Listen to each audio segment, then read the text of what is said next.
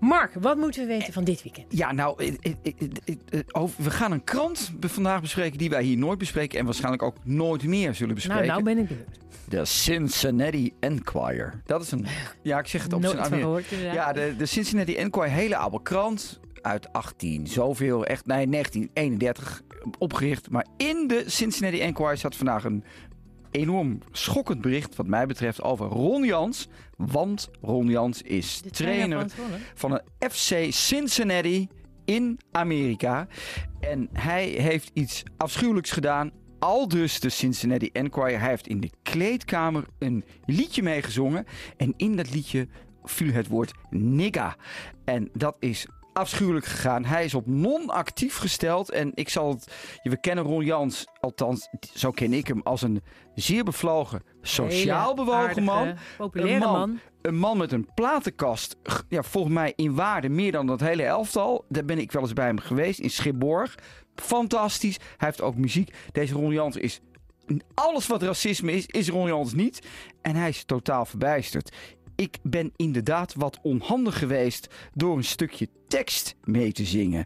Maar nu wordt iets onhandigs, iets heel groots gemaakt. Echt waar, ik haat slavernij, discriminatie en racisme. Als ik kan helpen dat te bestrijden in de samenleving, dan doe ik dat heel graag. Ik heb onder meer het Apartheidsmuseum bezocht, heb veel films en boeken over dit onderwerp gekeken.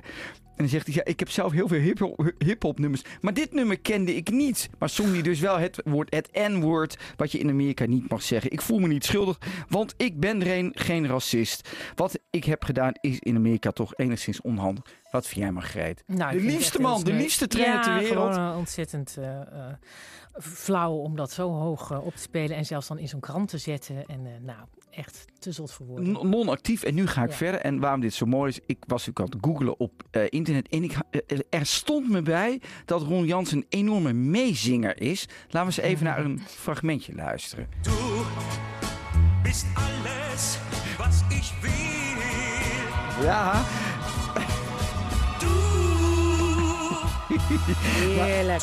heerlijk. Nou, en waarom kom ik hier? Maar dit is Peter Ja, dan ben ik Maffay, wel dat weet jij, be- 1970. Ja, ja, ja, ik dit zong Ron Jans recent mee in een, eh, een wedstrijd van FSV, de Rebellen. Daar is hij trainer. En dat zijn een beetje de, de outcast voetballers van de Lage Landen. Daar is hij dan trainer. Allemaal goede doelen, mensen. En het mooie is, ik hoop niet dat er een onderzoeksredactie bij de Cincinnati Enquirer zit. Want er komt op dit moment een boek uit van Sjaak Polak, voetballer bij ADO Den Haag. En die beschrijft hoe Ron Jans in de kleedkamer is. En daar is het volgende voorgevallen. Glenn Helder, ken jij, leuke jongen, ook rebel, drummer, ehm, was in dat elftal, maar vond dat hij te weinig werd aangespeeld. Midden in de wedstrijd zei hij, zijn jullie racist of zo?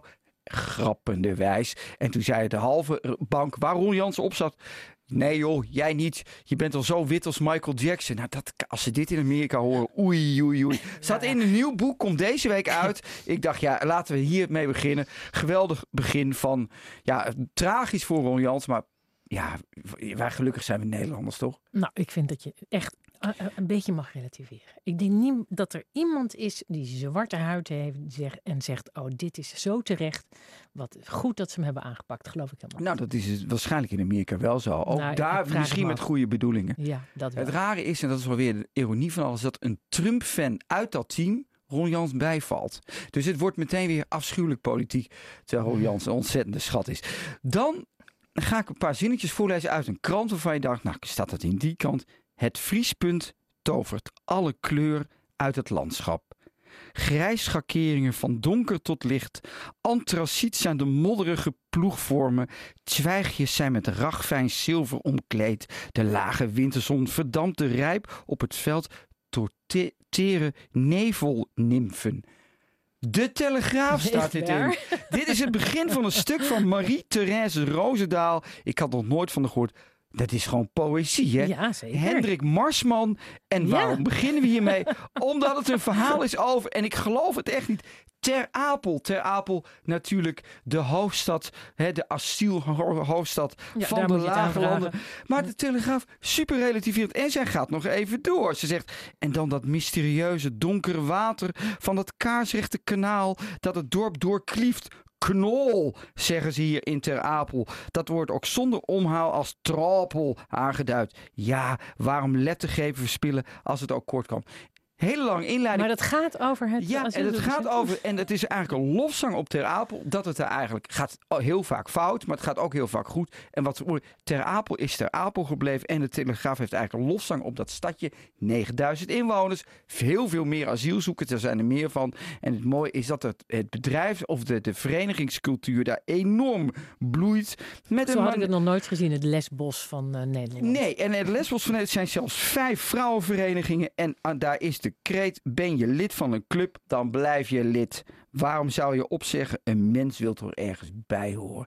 Dat vind ik dan zo mooi. Dat de Telegraaf staat in de, an- verderop in de krant staat wel, wel wat kritische stukjes. Maar vind ik wel aardig dat de Telegraaf dat helemaal niet verwacht. Super zacht aardig over Ter Apel schrijft. Komt bijna niet voor. Moesten we even noemen. Dus dikke Fijn. complimenten voor de Telegraaf. Dan gaan we nog even afscheid nemen van de Wereldrijd Door. Want dat, dat is een soort rouwproces bij heel veel mensen. In de NRC ook weer gedaan. Gaan we even naar dit fragmentje luisteren. En het eerste onderzoek in Nederland dat het verband tussen etniciteit en verkrachtingen eh, heeft geanalyseerd. Van Anton van Wijk en Arjen Blokland. En wat zij vonden was eigenlijk toch wat echt schokkende gegeven. eh, dat eh, vrijwel alle minderheden vaker voorkomen bij zedendelicten. En dat gaat van 2,5 tot 5 keer zo vaak als een autochtoon. En Nederlanders zijn er maar heel goed in kinderverkrachting, helaas. Eh, en eh, allochtonen die hebben vaker aanrandingen en echte verkrachting op hun naam staan. En het probleem daarvan is, is dus als je ziet dat dat vijf keer zo vaak voorkomt... gaat het om tussen de 1 op de 20 tot 1 op de 30 allochtonen die verdacht zijn van zedendelicten. Ja, dit is Siewert van Lien. En die gaat hier enorm onderuit in een uitzending op 12 januari 2016. Dat was dat is na... niet te horen dat hij onderuit gaat. Nou, dat is, de feiten kloppen niet. En het, het mooie is, die Siewert is daar helemaal door aangepakt. Het was naar aanleiding van die Keulse zaak. Hè, midden de- in eh, oud en nieuw. Vrouwen, nou ja. De, de- het verhaal was toen eigenlijk dat het onder de pet werd genomen. En toen kwam Siewert even door. Overigens, dat was een uitzending waarin Fidan zat. En ook Juri Albrecht. Het was een soort WNL bij DWDD. De eerste en de laatste keer volgens mij. Maar Siewert ging maar onderuit. En wat nog zo interessant is. Die is daarna, de avond daarna heeft hij zijn excuus maar, maar is daarna nooit meer gevraagd. En nu, en daarom kom ik erop, is hij in de NRC, zegt hij. Ik ben nooit meer gevraagd. Maar ik wil volgende week nog één keer terugkomen. Want ik kreeg na de uitzending honderden berichten en werd zwaar bedreigd. En hij zegt: Ja, televisie is het dominantste medium en DWDD het dominantste programma. Dit was, en dit vind ik mooi, een afrekenmoment. De Justin Bieber van het publieke debat werd ik genoemd. Heel vervelend. En hij eist nu dat hij eigenlijk nog een keer terugkomt. Desnoods op de tribune. Oh. Wat vind jij dat? Ik, toen ik dat hier aan het voorbereiden, dacht ik, Siewert, kom op, laat je toch niet zo kennen. Oh Je nee, ik niet... vind dat. Ik Jij vind vindt dat charmant ja, waarschijnlijk? Ja, ja ik vind dat begin leuk. ik er ook ik over. Vind Jij dat vindt leuk. Ja, want dat, weet je, als je iets echt niet goed hebt gedaan, en iedereen valt erover. En dat vind je uiteindelijk zelf ook. En je komt ervoor uit. Dan wil je eigenlijk dat je er gewoon met jezelf in reine bent. En daar gewoon kan gaan zitten. In volle ornaat. Ja, ik snap dat wel. Jij snapt dat wel. Ja, en ik Maar zou het ook heel leuk vinden als eh Matthijs het gewoon doet. Ja, maar, maar het heeft gewoon een foutje gemaakt. Maar dat je daar dan zo mee zit, dat de televisie Ja, maar daar zitten mensen mee. Maar dat Maar- is zo. En weet je, als je dat? daar zit, nee, misschien weet je dat zelf. Als je, als je op de buis bent en iedereen vindt wat van je, dan wil je uiteindelijk, als je iets hebt rechtgezet, dat mensen je ook weer omarmen. Weet je, dat, het zijn toch meer mensen die gewoon vol, eh, ja, Vol in de publiek- fout gaan. Ja, vol in de fout, in de spotlights. Ja. Maar, maar daar, daar denk je nooit aan hoe verschrikkelijk dat is. Maar dat is veel erger dan mensen die dat niet in de spotlights doen. Terwijl iedereen Ik zegt vind wel het altijd van die jou dat jij het niet altijd kloppen. opneemt voor, voor mensen waarvan ik dan denk, man, stel je niet zo aan. Ja, maar weet je, wij zijn allemaal mensen. Iedereen doet wat fout. Ja. Alleen niet altijd in spotlight. Dus ik snap het heel goed. Ik vind het zelfs heel kwetsbaar van hem dat hij dit dan ook weer zegt. Ja, nou, ik, nou ja, misschien moet ik dan anders een beetje stoer, doe ik daar een beetje stoer over. Dan nog even de wereld door. De anekdote van het weekend. Matthijs van Nieuwkerk en Ischa Meijer. Matthijs van Nieuwkerk was voordat hij wereldberoemd werd bij de wereld door ook een tijdje hoofdredacteur van het Parool. En in Mhm. het Parool had Meijer een column, De Dikke, Dikke man. man.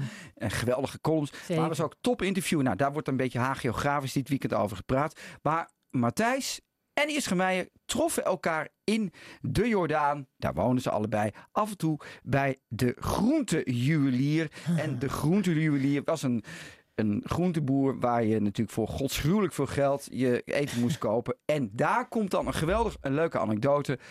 Meijer staat er in de rij. Je kent hem, hè? Klein kereltje, grote mond, rete brutaal. Hij bestelde een kilo aardappelen en een netje mandarijnen. Nadat de groenteboer het totaalbedrag had genoemd, trok Ischa zijn telefoon uit zijn zak. Toetste voor de vorm wat nummers in en een paar seconden later voelde zijn kenmerkende stem de hele zaak. Goedemiddag, spreek ik met de ING? Goedemiddag, u spreekt met Meijer. Ik hoop dat u mij kunt helpen. Ik sta bij de groenteboer en ik wil jullie graag een kilo aardappelen met wat mandarijnen kopen. Is er, denkt u, een kans dat ik daarvoor de hypotheek op mijn huis kan verhogen? nou, dat was een beetje flauw. Maar wel leuk. Vind ik leuk dat zo Matthijs van Nieuwke dat dan vertelt. Ehm, nou goed, daarmee hebben we Ischa Meijer ook behandeld. Want die stond ook heel veel in de krant. Wat mij betreft een beetje te veel media over media. Altijd een beetje saai. Dan een ander heel goed stuk. Martin Sommer relativeert of komt even terug op de manier waarop wij in dit land van het gas afgaan. Wat mij betreft, wat mij betreft de taboe van het, van het weekend. En hij schrijft altijd scherpe, sommige beetje serieus. En dan zegt hij, van de middenpartijen durft niemand te zeggen dat deze gasvrije kiezer geen keizer geen kleren aan heeft. Want ja, klimaatakkoord, een gepasseerd station. Wie bezwaren heeft moet terecht bij Wilders of Baudet. En dan straks, na de verkiezingen, met z'n allen klagen dat extreem rechts gro- zo groot is gegroeid. Tikje zuur, maar vind ik wel wat in zit. Wat vind jij? Nou, überhaupt dat hele verhaal over gasten hebben we het hier regelmatig over in, eh, Bij ons op, wel. de, op de radio. En eh, dat vind ik ook wel terecht. Eh, vandaag had ik hier een, een ondernemer die zegt: joh, het kan. Je kunt ook gewoon gasleidingen gebruiken en dan biogas erin doen. Weet je waar dat vandaan komt? Komt gewoon uit, uit mest van koeien. Ja. En, en uit ons afval. En dan zeggen ze, ja, maar daar hebben we niet genoeg van. We hebben we ineens niet genoeg afval om biogas te maken. Ik vind dat een fascinerende wereld. En ik denk ook van, wij moeten daar nog veel meer over weten.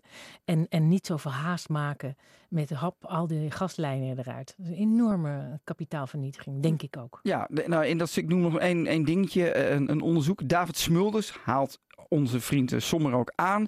Heeft met de som van collega Mulder, dat is iemand anders die een onderzoek in het achterhoofd zijn eigen rekenmachine gevraagd hoeveel CO2-beperking het gasloos maken van particuliere huishouden nou eigenlijk oplevert. Nou, quizvraagje. Hoeveel denk je dat dat nou helpt? Allemaal van het gas af? 0,000. Ga Nou, wel iets meer. Maar Oh, hij oh, kwam voor 2030 uit op een reductie van 3 Een percentage dat met stevige, isolatieprogra- met stevige isolatieprogramma's gemakkelijker en veel goedkoper kan worden gehaald. Dus ja, daarom zijn wij van WNL hier gelukkig. Niet dat, we worden, al- wij worden altijd voor rechts versleten, maar voor mij zijn wij gewoon oe- oernuchter, toch? Ja, je zit op drie, op de dan centen. ga, dan ga je toch alles van het gas. de- de 97% helpt niet. En dan, ja, dus dat is, heel, dat is wat mij betreft heel bijzonder. Dan een ander heel bijzonder moment. Heel kort nog. De correspondent, linkse hippiekrant, heeft een rechtstukje geschreven. Nou, eh, Arjen van Velen, de vrouw van Rosanne Hertzberger, heeft eigenlijk beschreven dat het hele hipste goede wat in Amsterdam zit, gaat nu ook in Rotterdam. Heeft hij een vlammend stuk tegengeschreven. Ga naar de correspondent en lees dat verhaal over hoe ook Rotterdam kapot gaat aan het hippie-denken. Nu pas, in 2020. Ja, nu pas je. Oké. Dank, Mark Koster.